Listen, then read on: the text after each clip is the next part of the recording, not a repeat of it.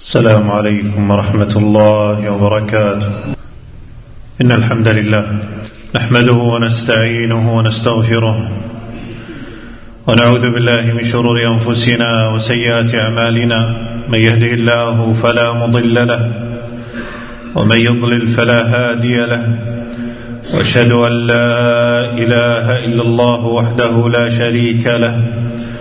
وأشهد أن محمدا عبده ورسوله. أما بعد فإن أصدق الحديث كلام الله وخير الهدي هدي محمد صلى الله عليه وسلم وشر الأمور محدثاتها وكل محدثة بدعة وكل بدعة ضلالة وكل ضلالة في النار. أما بعد عباد الله للعلماء في ديننا مكانة عظيمة ومنزلة جليلة وقد ورد في فضلهم والثناء عليهم الكثير من الآيات من كتاب الله المبين وسنة سيد المرسلين. فالعلماء شهود الله على توحيده جل في علاه. قال تعالى شهد الله أنه لا إله إلا هو والملائكة وأولو العلم قائما بالقسط لا إله إلا هو العزيز الحكيم. قال سفيان بن عيينة رحمه الله أرفع الناس منزلة عند الله من كان بين الله وبين عباده وهم الرسل والعلماء. كيف؟ وهم ورثه الأنبياء. ويستغفر لهم لجميل فضلهم وعظيم أثرهم من في السماوات والأرض حتى الحيتان في البحر والنملة في جحرها وفضل العالم على العابد كفضل القمر على سائر الكواكب يدعون من ضل إلى الهدى ويصبرون منهم على الأذى يحيون بكتاب الله الموتى ويبصرون بنور الله أهل العمى. فكم من قتيل لإبليس قد أحيوه وكم من ضال تائه قد هدوه. فما أحسن أثرهم على الناس وأقبح أثر الناس عليهم ينفون عن كتاب الله.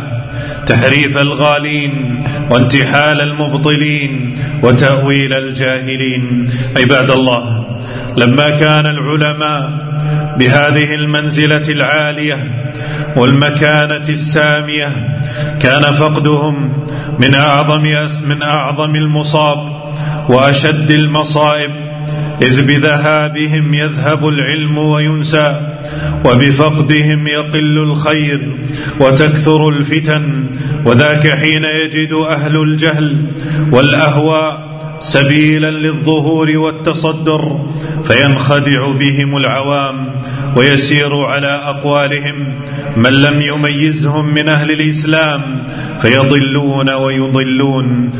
عن عبد الله بن عمرو بن العاص رضي الله عنهما قال سمعت رسول الله صلى الله عليه وسلم يقول إن الله لا يقبض العلم انتزاعا ينتزعه من العباد ولكن يقبض العلم بقبض العلماء حتى إذا لم يبق عالما اتخذ الناس رؤوسا جهالا فسئلوا فأفتوا بغير علم فضلوا وأضلوا متفق عليه. وعن عبد الله بن مسعود رضي الله عنه قال عليكم بالعلم قبل أن يقبض وقبضه ذهاب أهله. قال ابن عباس رضي الله عنهما لما مات زيد بن ثابت رضي الله عنه من سره أن ينظر كيف ذهاب العلم فهكذا ذهابه. وقال لقد دفن اليوم علم كثير. وقد قيل لسعيد بن جبير ما علامة الساعة وهلاك الناس. قال إذا ذهب علماؤهم فموت العالم ثلمة كبيرة خصوصا مع قلة العلماء. ولا يسدها إلا أن يخلفه غيره من أهل العلم. قال الحسن البصري رحمه الله كانوا يقولون موت العالم ثلمة في الإسلام لا يسدها شيء ما اختلف الليل والنهار. عباد الله موت العلماء من أشراط الساعة وسبب لظهور الفتن وانتشار الشر والمحن. عن ابن مسعود رضي الله عنه قال ليس عام إلا الذي بعده شر منه كما قال صلى الله عليه وسلم لا أقول عام يقول ابن مسعود ليس عام إلا الذي بعده شر منه لا أقول عام أمطر من عام ولا عام أخصب من عام ولا أمير خير من أمير ولكن ذهاب خياركم وعلمائكم ثم يحدث قوم يقيسون الأمور برأيهم فيهدم الإسلام ويثلم. والله سبحانه وتعالى يقول في كتابه أولم يروا أنا نأتي الأرض ننقصها من أطرافها؟ قال ابن عباس في تفسير ذلك خرابها بموت علمائها وفقهائها وأهل الخير منها. وكذا قال مجاهد أيضا في تفسير ذلك هو موت العلماء الأرض تحيا. إذا ما عاش عالمها متى يمت عالم منها يمت طرف.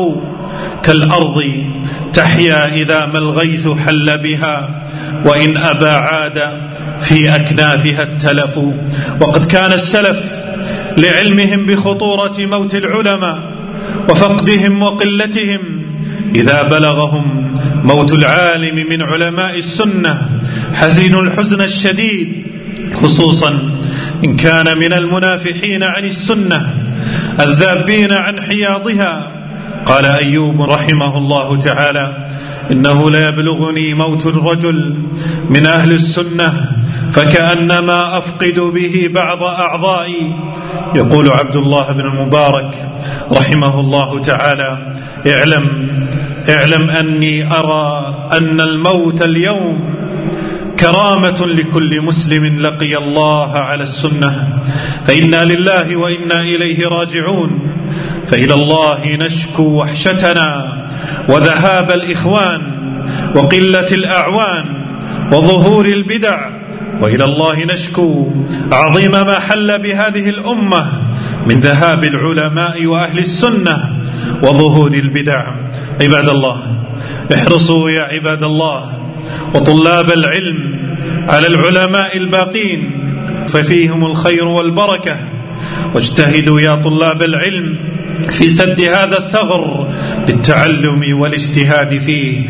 عن أبي الدرداء رضي الله تعالى عنه قال ما لي أرى علماءكم يذهبون وجهالكم لا يتعلمون. فتعلموا قبل أن يرفع العلم فإن رفع العلم ذهاب العلماء. وعزاؤنا عباد الله فيما أخبرنا عنه صلى الله عليه وسلم من بقاء أهل الحق وظهورهم. كما في قوله عليه الصلاة والسلام لا تزال طائفة من أمتي على الحق ظاهرين اللهم اغفر لمن مات من علمائنا وأسكنهم فسيح جناتك. واجزهم عنا يا رب العالمين خيرا. وبارك ربنا في من بقي. واحفظهم بحفظك واكلأهم برعايتك. أقول ما تسمعون وأستغفر الله العظيم لي ولكم من كل ذنب فاستغفروه إنه هو الغفور الرحيم. الحمد لله الصلاة والسلام على رسول الله وعلى آله وصحبه ومن اتبع هداه. أما بعد عباد الله ها نحن نرى عودة الوباء إلينا. وارتفاع عدد الإصابات مما يدعونا إلى الالتجاء إلى الله والتضرع إليه أن يرفع عنا وعن المسلمين هذا البلاء والمرض فإن الأمر إلى الله والدنيا والآخرة ملكه وحده وهو ربنا لا رب لنا سواه ولا كاشف للبلاء إلا هو. وإن يمسسك الله بضر فلا كاشف له إلا هو وإن يردك بخير فلا راد لفضله يصيب به من يشاء من عباده وهو الغفور الرحيم.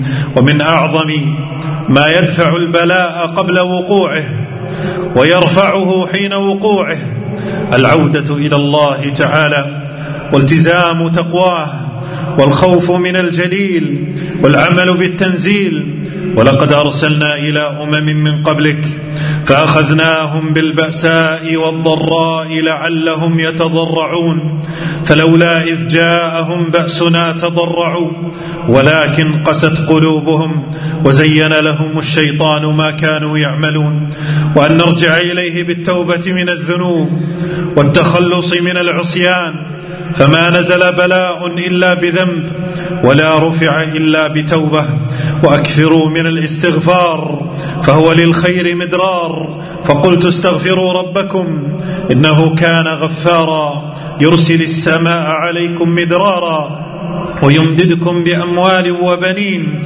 ويجعل لكم جنات ويجعل لكم أنهارا. عباد الله ومن أسباب السلامة اتباع الإرشادات الصحية والإجراءات الوقائية التي أمرت بها الجهات المسؤولة والأخذ بالأسباب من تمام التوكل على اللطيف الوهاب. اللهم إنا نسألك العفو والعافية في الدنيا والآخرة. ربنا آتنا في الدنيا حسنة وفي الآخرة حسنة وقنا عذاب النار. اللهم اغفر للمؤمنين والمؤمنات والمسلمين والمسلمات الأحياء منهم والأموات. ربنا اغفر لنا ولوالدينا وصلى الله وسلم وبارك على نبينا محمد.